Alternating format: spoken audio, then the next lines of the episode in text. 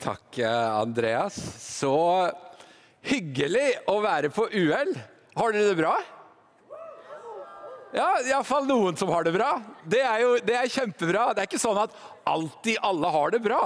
Selv om vi gjerne går rundt og innbiller oss og håper det, men sånn er jo ikke verden. Dere som kommer inn, må bare trekke fram, for dette blir, uh, dette blir spennende. For vi skal jo inn og prate om noen ganske nære ting, og ganske litt sånn, faktisk litt sårbare og ja, sensitive ting. Og um, for å liksom starte med å legge litt sånn føringer for uh, de nære, sensitive tingene, så er det jo et faktum at uh, de samtalene som jeg legger opp til For jeg legger opp til noen samtaler. For én ting er å komme her og få kunnskap og få inspirasjon. Men jeg legger jo opp til samtaler og prosesser. De samtalene ja, de hører jo til en plass. Og de hører til i trygge, nære relasjoner. Og det er, det er kanskje helt essensielt når vi skal snakke om ting som har med ja, en bedre historie En bedre historie enn hva? Og da er det jo kanskje de tingene som handler om grenseløshet som handler om mening og dybde i meningen med å være kvinne og mann.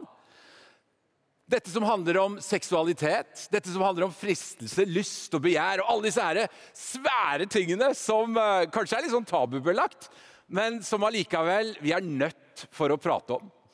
Og uh, For å legge litt sånn fundament da, i denne, denne, denne oppløperen til en bedre fortelling, så må du vite litt om hvem jeg er. Altså, jeg heter Alexis Lund.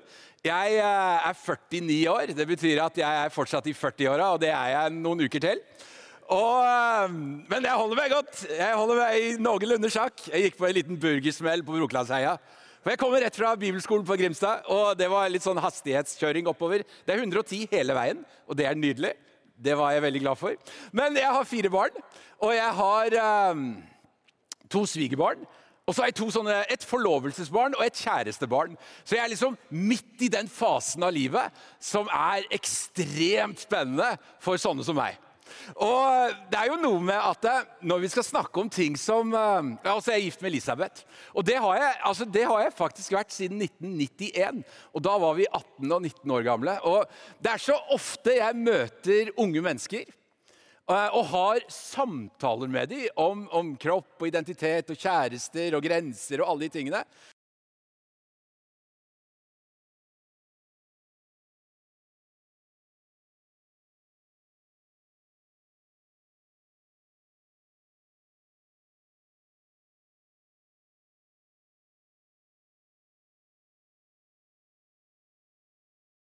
Med det.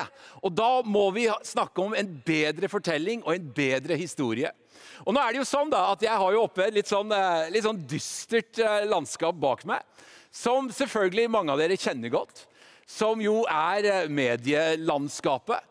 Som på alle måter forteller historier. Og Da har jeg jo lyst til å utfordre deg. da. Er det en god historie om kroppen? Er det en god historie om seksualiteten? Om intimitet?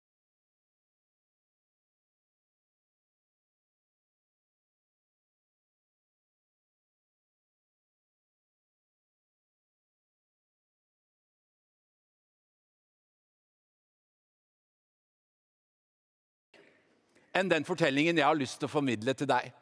Fordi at eh, Hvis vi ser litt på ja, men hvordan har dere det? Altså hvis vi ser litt på Hvordan har unge mennesker det i dag? Og Det er ganske interessant. Hvis vi ser litt tilbake igjen i tid, med eksplosjonen av smarttelefonen, så har pila pekt ganske én retning, og det er nedover.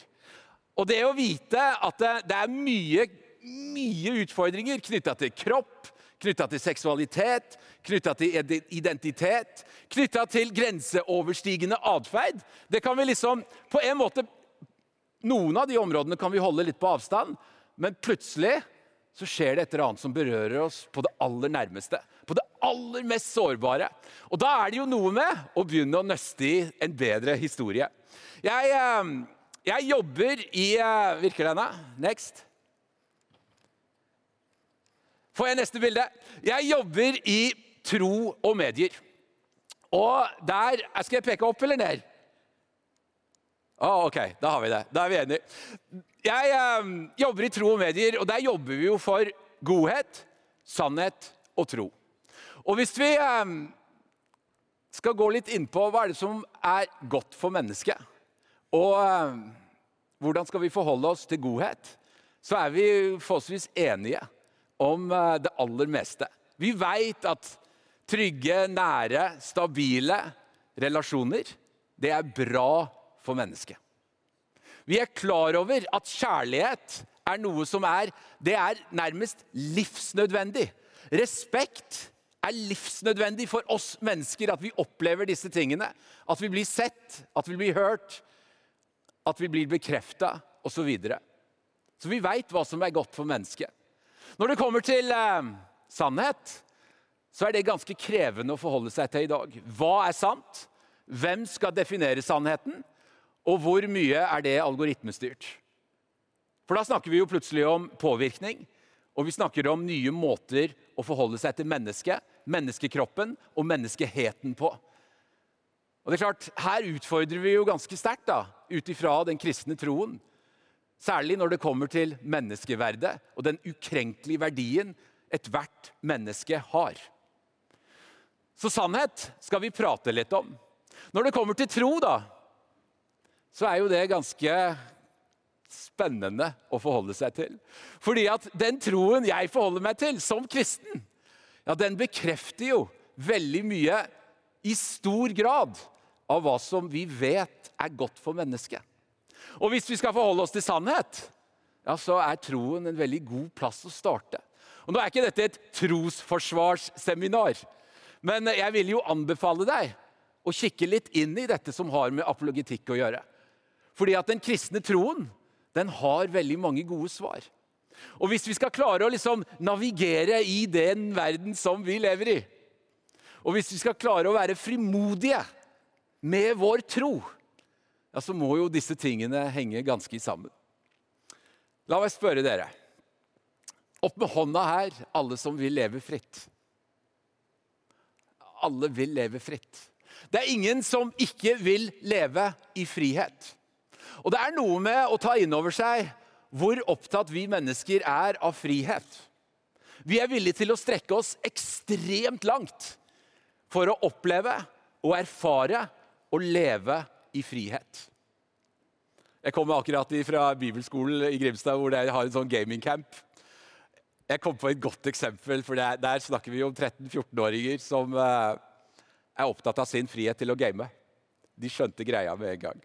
Så det er et eller annet med hvor langt en er villig til å strekke seg, hva en er villig til å gjøre osv. for å leve i frihet. Hvis jeg skal ta den kristne troen inn i det bildet, så står det i Salme 119, vers 45. Jeg kan leve fritt, for jeg er opptatt av å gjøre din vilje. Og Da må vi gjerne nøste litt i da, at min frihet og din frihet, som er en gave og jeg, jeg veit jo at i vårt land, i vår kultur, så har vi nok ikke endelig tatt inn over oss i hvor stor grad denne friheten er enormt forankra i hvordan vi lever i Norge. Vi har jo liksom fått en krig ganske tett på oss nå. Og vi har sett mennesker som har mistet, mennesker som levde ganske likt som oss, miste sin frihet over natta. Men det er mange typer frihet. Og er, jeg snakker jo med veldig masse mennesker som opplever mangel på frihet knytta til sin egen mediebruk. Det fratar de frihet.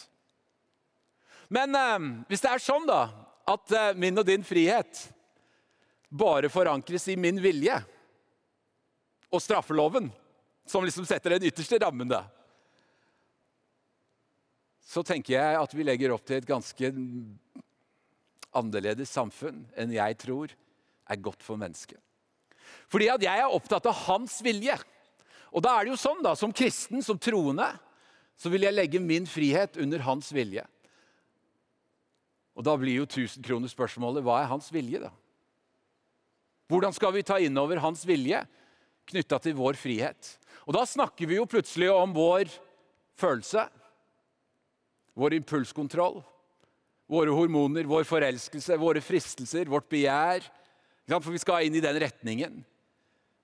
Og hvis jeg legger da min frihet inn under hans vilje, ja, så må jeg òg nøste litt i hva er hans vilje. Hva er hans vilje? Hør her. Hans vilje er grunnleggende god. Han er kjærlighet. Hvis vi tar inn over oss det, samtidig som vi sitter her i et rom fullt av ulike historier Og når vi er såpass mange mennesker i et rom, så veit jeg jo at her vil det være historier som gjerne innebærer mye smerte. Smerte som er blitt påført, smerte som en har påført seg selv. Og jeg vil fortsatt hevde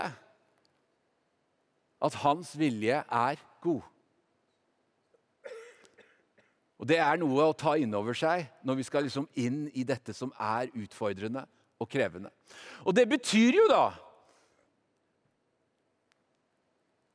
Hvis vi går liksom x antall år tilbake i tid, hvis du er 17 år og vi går 18 eh, år tilbake, eller 17 år og 9 måneder tilbake igjen i tid, så er hans vilje allerede gjeldende i ditt liv. For da var det to mennesker som kledde seg nakne, gjorde seg sårbare om hverandre og hadde sex. Det er liksom sånn mennesker blir til. Nå er vi inne i biologitimen. Jeg veit at det er andre muligheter i dag, det er, men det er stort sett sånn dette skjer. Og da har vi en 350 millioner sædceller omtrent, som jager mot ett egg. Og Hvis jeg skal ta min kristne tro på alvor, og Bibelen, Guds ord, på alvor, så er Guds godhet gjeldende over ditt liv allerede da. Det er å forankre menneskeverdet. Det er et menneskesyn som virkelig løfter opp og forteller en annen historie. Og Det betyr jo igjen da at du og meg er ønsket, elsket og villet inn i en verden av en Gud som er god, før du erfarte, og før du følte. Det er ganske radikalt når vi snakker om hvordan skal vi navigere i et samfunn som oppleves å være i oppløsning på veldig mange, mange områder knytta til kropp, identitet og menneskeverd. Du er ønsket, du er villet, du er elsket inn i denne verden av en Gud som er god. Og Da må vi gjerne begynne å nøste i dette, da, som gjerne kan være utfordrende, krevende og vanskelig. Hvordan du forholder deg til seksualitet, begynner med hva du tror om Gud. Så jeg veit ikke hva du tror om Gud. Det er jo i stor grad en sak mellom deg og Gud. Men hør her. Jeg prøver å legge noen fundamenter for at du skal ta inn over deg at vi snakker om en god Gud som vil deg godt, som har skapt deg med alt du er. En Gud som ikke ser deg bare der du sitter nå, men som så deg før verdens grunnvoll ble lagt hvis jeg skal ta det første kapittelet i Efeserbrevet på alvor, som jeg ønsker å gjøre. Og vi snakker om en Gud som vet hva som bor i deg, som kjenner din nåtid og din framtid. Og Da er det noe med å liksom sette litt sånn perspektiv på hvordan og hva er det vi skal forholde oss til når det kommer til seksualitet, identitet, kropp, lengsler, sårbarhet, intimitet og nærhet. For hvis Gud er god, som jeg jo sier han er, og tror han er, så har han gode tanker med dette. Han har gode ønsker med disse følelsene. Og hvis en gjør denne koblingen da, og setter en høy verdi på seg selv innenfor Guds trone, med alt vi er, ja, så vil det utruste og istandsette til å ta valg basert på Guds godhet, på Guds ønske, på Guds vilje for livet ditt. Og Det er gjerne, er jo gjerne her vi som kristne gjerne sliter virkelig med å formidle en bedre historie. Å formidle at dette som handler om disse vanskelige tingene, er noe som i kjernen og i opprinnelsen kommer fra Gud. Født sånn eller blitt sånn er jo gjerne spørsmålet da. Jeg vil jo vende tilbake igjen til elsket, ønsket og villet inn i denne verden av en Gud som er god, før du erfarte og før du følte. Der kan vi anerkjenne smerte. Der kan vi anerkjenne sårbarhet. Der kan vi løfte fram en Gud som er god. For jeg veit, og jeg har fått, blitt fortalt, og jeg har lest, og jeg har erfart hva Gud har lagt ned i mennesket. Og det er formidabelt at vi er skapt i Guds bilde, som mann, som kvinne, til å speile og reflektere hans natur. Og da er vi tilbake igjen oppi dette som handler om sannhet. Men hvordan skal du klare å forholde deg til dette, da?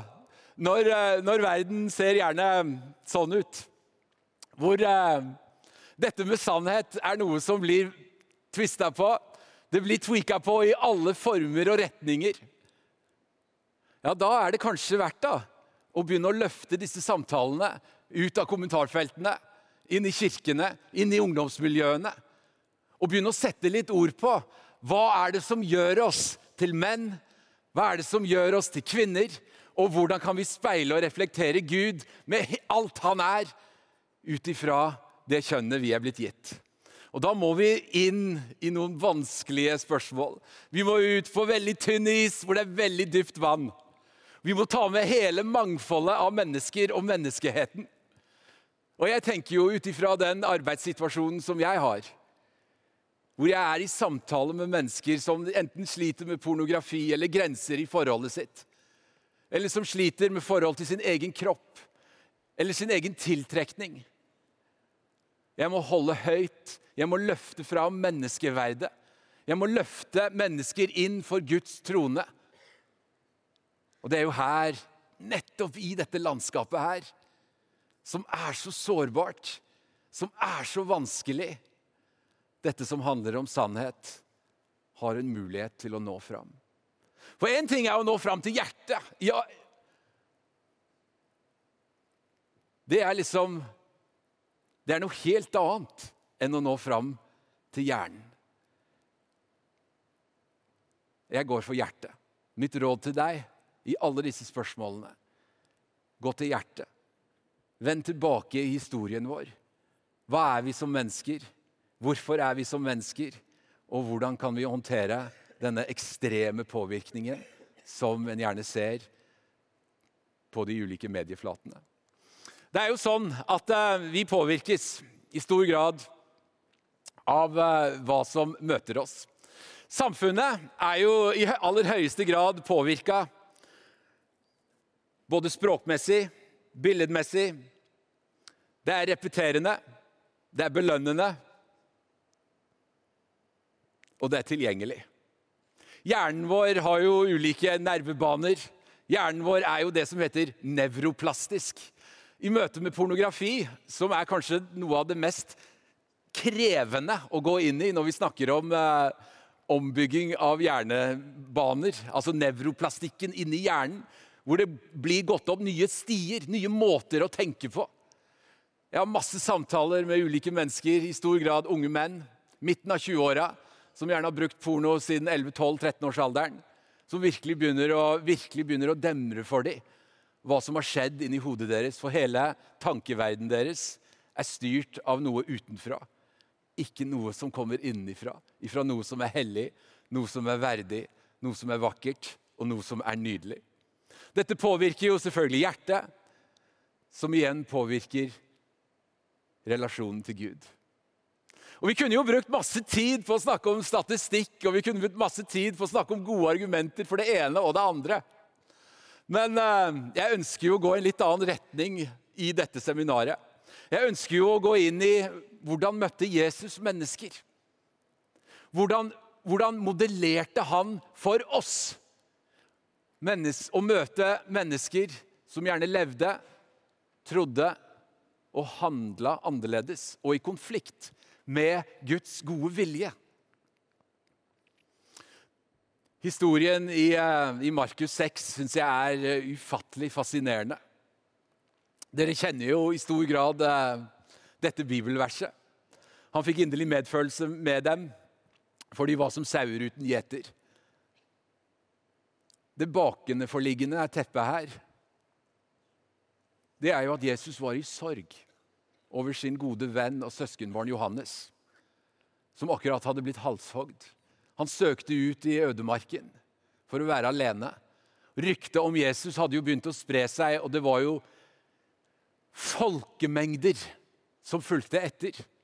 Det var 5000 menn pluss kvinner pluss barn. Så vi snakker en ganske stor gjeng med mennesker. Hva tror du ikke som bodde i denne flokken med mennesker? Av historier, av smerte, av erfaringer, av nederlag, av synd. Og så står det så vakkert han fikk inderlig medfølelse. For de var som sauer uten gjeter. Og her står jo vi, da, i spagat, du og meg, som kristne.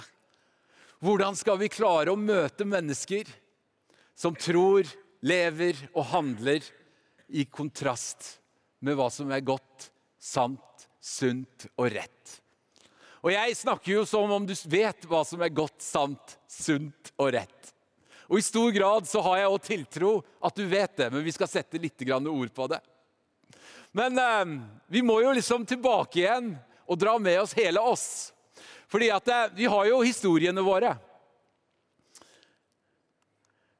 Vi har eh, din historie, jeg har min historie. Og så har vi vår historie. Og vi har jo et samfunn i dag som nærmest er narsissistisk. I form av 'jeg vil ha', 'what's in it for me', 'hvordan kan jeg få bekreftelse', 'hvor mange views kan jeg opp, klare å oppnå'? Men hør her. Det er vår historie. Det er vår historie som elsket, ønsket og villet av en Gud som er god, som virkelig kan sette føringer og retning i livene våre. Og Da må vi våge å snakke om de tingene som er utfordrende, som er krevende, som er vanskelig. Vi må våge å stille oss i situasjoner hvor vi er sårbare. Hvor vi tør å være åpne i trygge, nære relasjoner.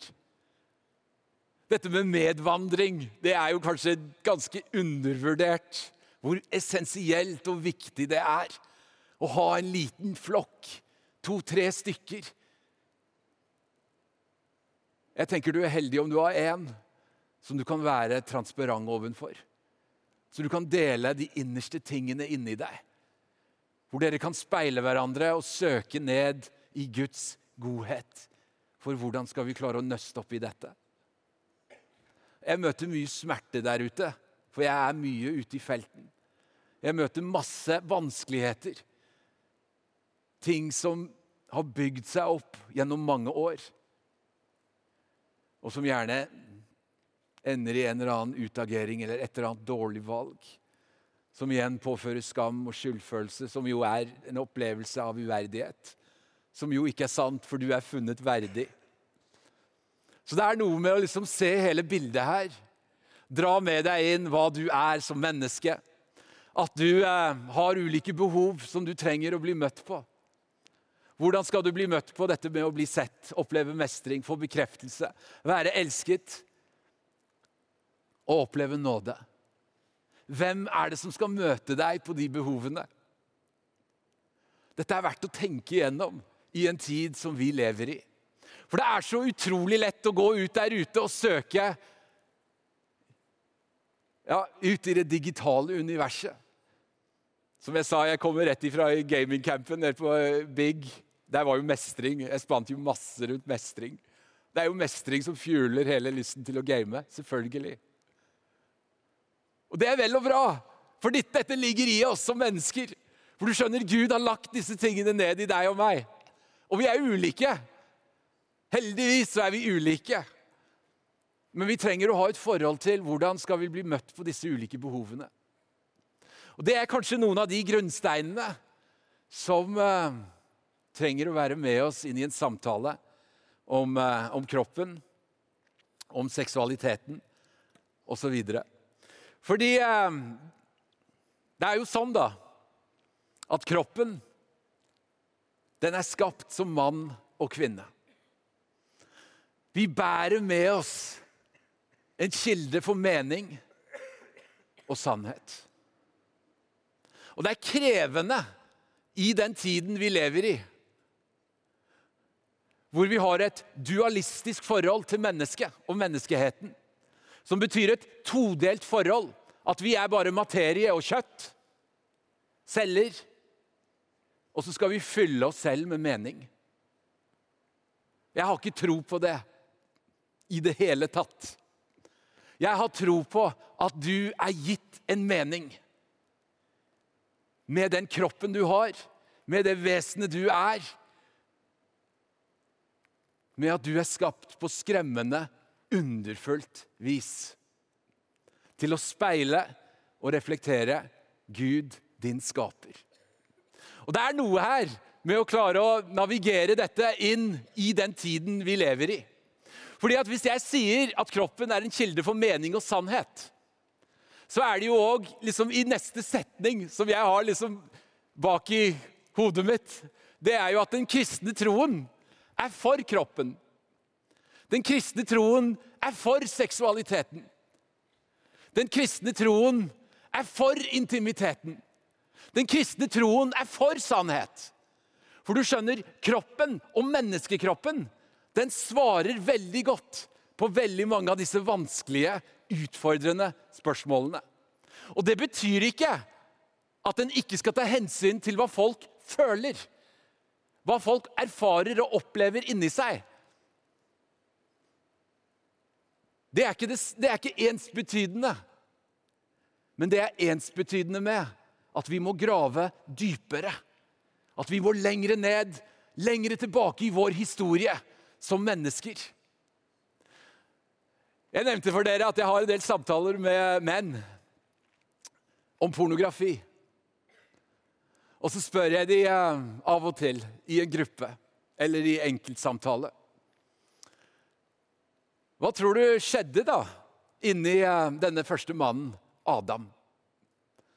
Når eh, Gud hadde skapt, han hadde bygget kvinnen, kronjuvelen i skapelsen, kaller jeg henne. Har du tenkt over Har du tenkt over mann og kvinne som sitter her? At kvinnen ja, hun ble jo til ut av en enormt dyp, dyp lengsel inni det første mennesket. Som Gud gjenkjente.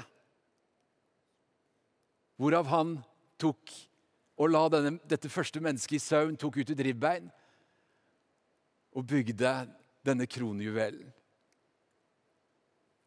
Jeg fikk et spørsmål på en konfirmantleir for en god tid tilbake av en ung jente. Og Jeg husker godt hele settingen. Hun var oversminka, underkledd og skrik, skreik med hele seg 'Se meg'. Og Så kommer spørsmålet midt i undervisningen. Vi er jo bare tatt ut av ribbeinen til mannen. Hva er vi verdt? Et spørsmål født i mindreverd. Jeg gira om hele undervisningen og fortalte om denne dype lengselen som var i mannen, som Gud gjenkjente, som gjorde at dere kvinner sitter her i dag. Og Det er noe med å prøve å ta inn over oss denne historien. Men tilbake til historien min da, om disse mennene som sliter med porno. For du, eh, Jeg spør deg gjerne hva skjedde da inni denne mannen når Gud førte disse to menneskene sammen. De var nakne. Det betyr jo da, de var sikkert nakne, men de var jo transparente, de var åpne. Det var ikke noe som sperra i dem. Og så spør jeg og utfordrer disse mennene på akkurat et sånt spørsmål, og da er jo liksom den første tanken Nei, han fikk ereksjon og ville ha sex med henne. Og så lar jeg det bare henge i rommet en god stund. Og så sier jeg Kan du grave litt dypere i hva du er? Hva du er ment å være, og hva Gud har lagt inn i deg? Og vet du hva? Jeg, jeg har opplevd så utrolig mange sterke opplevelser akkurat i den settingen. Det er som om liksom, det bare blir røska vekk noe, og så går en tilbake til hva vi er. Hvordan kan jeg ære henne? Hvordan kan jeg beskytte henne? Hvordan kan jeg elske henne? Jeg tror han ble overraska når han fikk eh, denne kjærligheten i retur. At Gud hadde gjort det sånn. Det er noe her. Det er noe dybde i disse spørsmålene som jeg tenker vi er veldig tjent med å gå inn og virkelig grave og dykke ned i. Mye av svarene ligger allerede i det første og det andre kapittelet i Guds ord. Og det forteller meg hvor dypt dette stikker i troen vår, i Guds utrolige mysterie. Katolikkene kaller det for brudemysteriet. Jeg syns jo det er nydelig. For det er noe her som vi virkelig trenger å ta til oss. Og Da er jo kanskje spørsmålet da, som eh, må svares på når vi snakker om disse tingene, som eh, vi skal hente innifra, ifra dypet, som skapt av en god Gud. Da er jo gjerne spørsmålet seksualiteten. Hva er det? Og hvordan skal vi definere det, da? Jeg har prøvd å nøste litt i det, og vi kunne jo brukt masse tid på det. Men eh, la oss ta noen ting, da. Vi, eh, vi, kan ta dette med tilknytning, som jo er ekstremt spennende i seg selv. Å snakke om tilknytning. Hvorfor eh, disse hormonene går i høygir det er hormoner som på fagspråket har liksom oksytocin og dopamin, testosteron, men som har ulike kallenavn. Oksytocin kalles for tillitshormonet. Som skaper en vilje i mennesket til å knytte seg til og skape tillit. Kvinnen skiller ut mye, store mengder av det hormonet. Både når hun har sex, og når hun ammer. Det er spennende å vite noe om hva Gud har lagt ned i menneskekroppen. Mannen skiller jo ut store mengder eh, testosteron, som eh, vi tenker i stor grad Kanskje ikke så rart vi tenker det, at den maskuline kraften er en destruktiv kraft. Som undertrykker og begrenser. Men det er ikke meningen. Den skal beskytte. Den skal verne om. Den skal skape noe som heter trygghet. Seksualitet er uh, nytelse. Gud har jo designa kroppen vår med ulike soner. Huden vår, det største organet vi har, som er supersensitivt. Hvis vi går inn og leser Salvos høysang, som ble oversatt til tysk ganske tidlig av en uh, munk, en katolsk munk, han måtte sone seks år for språket var så eksplitt at allmuen skulle ikke få tilgang til det. Gud har skapt kroppen vår for at den skal oppleve nytelse. Men hør her, da. Hva er forutsetningene for det? Det er trygghet, det er forpliktelse, det er nærhet. Det er åpenhet, det er ærlighet. Og Det som liksom blir resultatet av det igjen, da, det er jo at kroppen fungerer på den måten den skal fungere. Det som skjer i en seksuell handling, er noe som er naturlig. Seksualitet er å bli mange. Det er forplantning. At Gud har knytta dette inn i det næreste vi kommer livet. Det kristne synet på seksualiteten, hvis jeg liksom virkelig skal prøve å åpne det opp, da er det kanskje ordet enhet er det som jeg virkelig vil bringe fram. De to skal bli ett. Der ligger det et eller annet som stikker mye dypere enn han inni henne. Hvis vi tar med hele vesenet, hele menneskekroppen, med alt vi er av tilknytning, av nytelse, av forplantning og enhet. Du skjønner, når vi snur dette på hodet, som den historien som vi gjerne kjenner best da, fra mediene ja, Så har vi jo liksom Ex on the Beach og Paradise som liksom nærer og nører opp under utrygghet. Seksualitet på avveie og såre følelser i mennesker som er ønsket, villet og skapt inn i denne verden av en Gud som er god. Like sårbare som deg og meg. Dette er ting som eh, jeg tenker i aller høyeste grad vi må ta inn over oss. Vi må åpne opp dette landskapet, åpne opp dette rommet. Ut ifra hvordan jeg har jobba med dette snart nå i ti år Jo mer jeg graver meg ned i både kroppen og kroppens teologi, jo mer frimodig blir jeg i møte med mennesker som tror og lever annerledes enn meg. Men vet du hva? Jo større mulighet har jeg for å treffe noe som er på dypet inni et annet menneske. Fordi at jeg tror oppriktig og ærlig at mennesket er skapt i Guds bilde, som mann og kvinne. Da må vi gjerne sette litt ord på kjærlighet. da. Fordi at eh, kjærlighet er jo noe som er ganske ja, vanskelig det òg å forholde seg til. Altså, Hvem skal lære oss om det?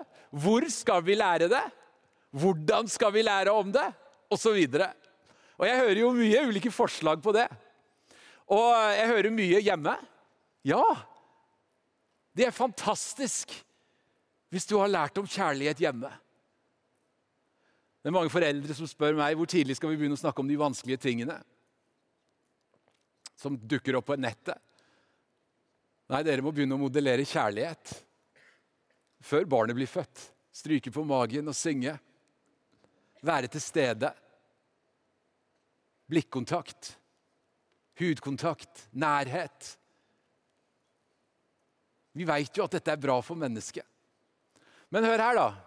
Hvis vi tar ordet kjærlighet og så putter vi det inn i et kontekst som eh, kanskje er vanskelig og utfordrende, så eh, kan vi putte det inn i en by som heter Korint. Som eh, var en ganske krevende og vanskelig by. En by som var full i avguder. En by som var full i prostitusjon. En by som var full i rus, incest, strid og splittelse. Og så veit vi at der var det planta en menighet som var kirken i Korint. Og så er vi jo klar over da, at i denne kirken av mennesker så var det òg mennesker som var påvirka og under innflytelse av den tiden og den byen og den kulturen de bodde i. Som igjen da speiler at her var det noen greier i denne menigheten som var vanskelig. Så det er full krise da, i denne menigheten. Dette ryktet om menigheten i Korint det sprer seg videre til apostelen Paulus, som planta denne menigheten. Han er nede i en annen by som heter Efesus, og har starta et nytt arbeid. Han hører dette ryktet via et handelshus, for Korint var en handelsby. Det har rabla for gjengen oppe i Korint. Du må gjøre noe. Og så veit vi jo at han setter seg ned og skriver ikke bare ett, men to brev til disse menneskene. Hva er det første han gjør? Han bekrefter hvem de er. Dere er elsket. Dere er hellige. Dere er ønsket. Det er all slags ord. Hvis du leter i all slags ulike oversettelser av det første brevet til Korint, så bruker Paulus all slags mulige ord for å beskrive deres identitet. Og du, eh, du kan jo bare åpne opp resten av de 13 brevene, så gjør han nøyaktig det samme. For det er et mønster å bekrefte identitet. Og si hvem du er. Hva du er.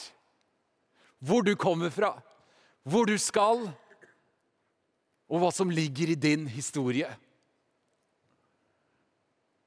Og så begynner jo Paulus å undervise dem om kjærlighet. For de av dere som har vært i brylluper i år, jeg har allerede vært i ett, så hører vi jo alltid dette kapittel 13 lest opp, hva kjærligheten er. Og Det er så nydelig å ta inn over seg. Jeg skal fortelle deg en kort historie om akkurat uh, to av tingene som kjærlighet er. Kjærlighet er tålmodig. Kjærlighet er velvillig. Det står i første brevet til menigheten i Korint, kapittel 13. Og Jeg var ute og hadde en undervisning. Og Gikk gjennom alt dette med kroppen, alt dette med hormoner. Brukte masse tid på det. Dette var en sånn klassesetting. Og så føyer jeg ofte til da, liksom i slutten av den undervisningen at eh, Ja, og så veit du hva, da?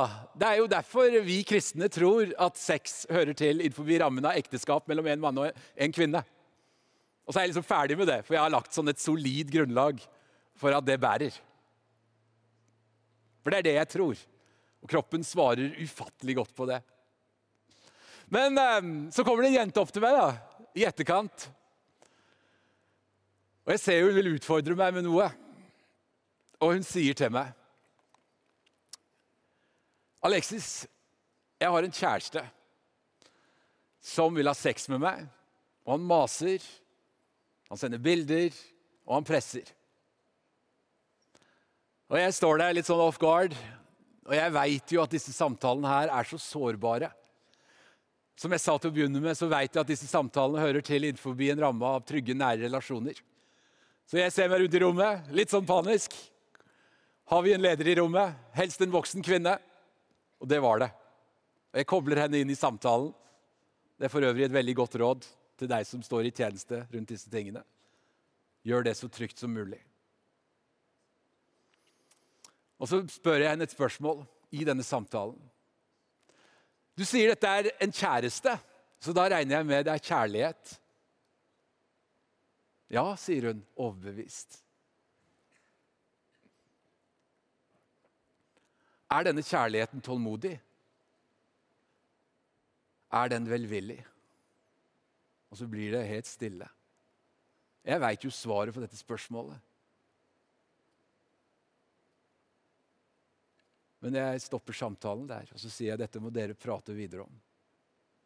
Men gi meg for all den tilbakemelding, da, for dette er viktig for meg å få med meg videre. Det er derfor jeg kan dele det her, for det har jeg lov til. Jeg fikk en mail et par dager etterpå, hun hadde gjort det slutt med denne karen. Jeg satt på kontoret mitt og leste mailen muttens aleine og sa 'yes'! Fantastisk!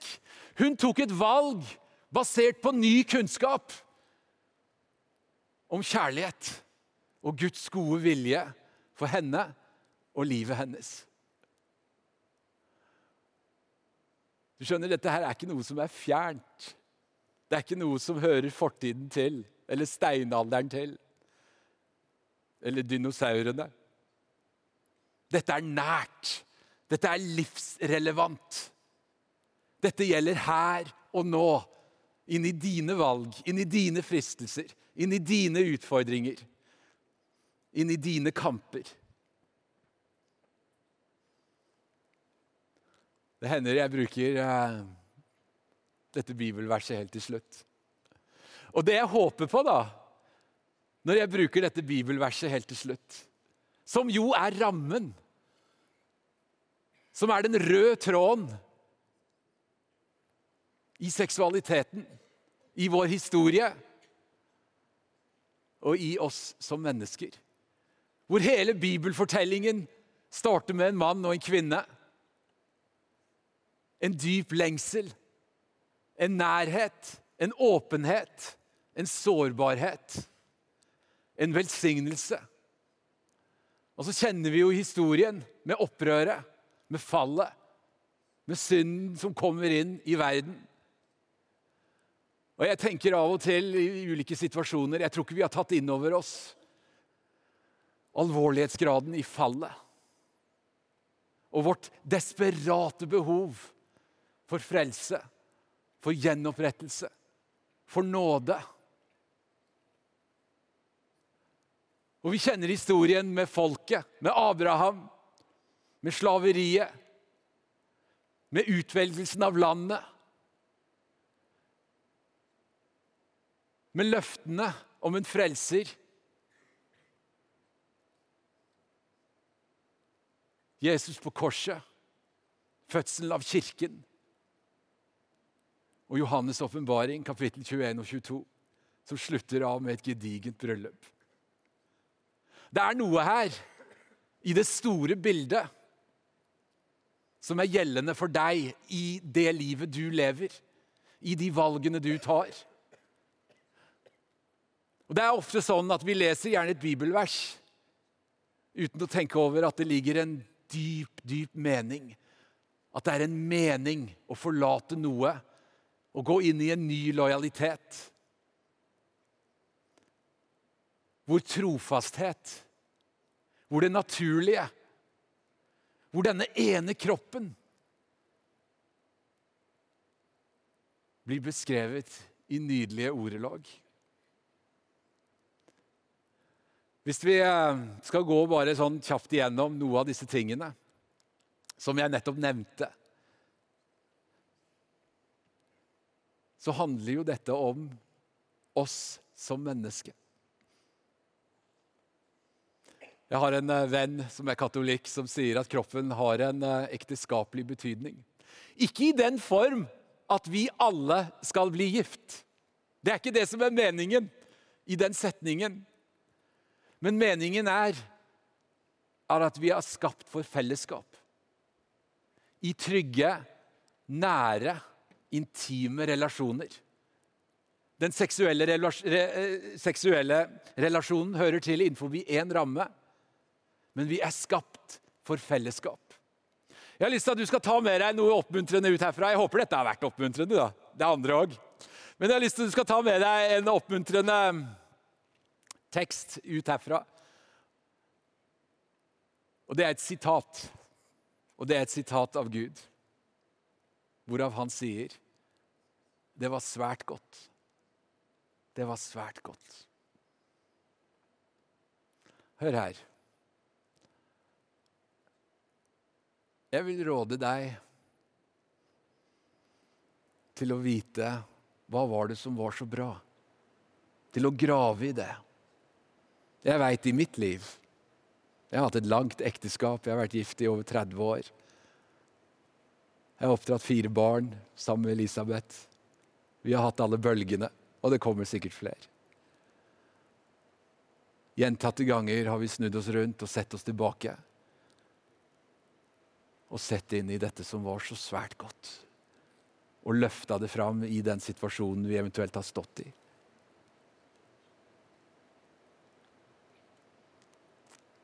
Gud sa det var svært godt, og han mente det. Midt i denne historien så lever du med dine valg, med din frihet, med ditt liv.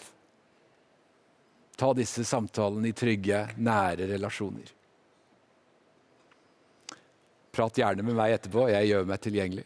Jeg ber en bønn, jeg, og så er vi i mål. Takk, gode Gud, for din hellighet. Takk for din nærhet. Takk, far, for at du eh, virkelig har banet veien for oss. Med alle våre mangler og alle våre spørsmål, alle våre nederlag, at du har ryddet plass innenfor din trone for at alle som velger å tro, står innenfor din trone som dine sønner og som dine døtre. Og jeg ber, far, i ditt hellige, allmektige navn, om at du skal gi noen her i dette rommet en frimodighet. En frimodighet til å reise seg opp, ta samtalene, børste støv av føttene og se framover. Inn i lyset, inn i din fortelling, inn i din sannhet, inn i din godhet. Og først og fremst, far, inn i din kjærlighet. Amen.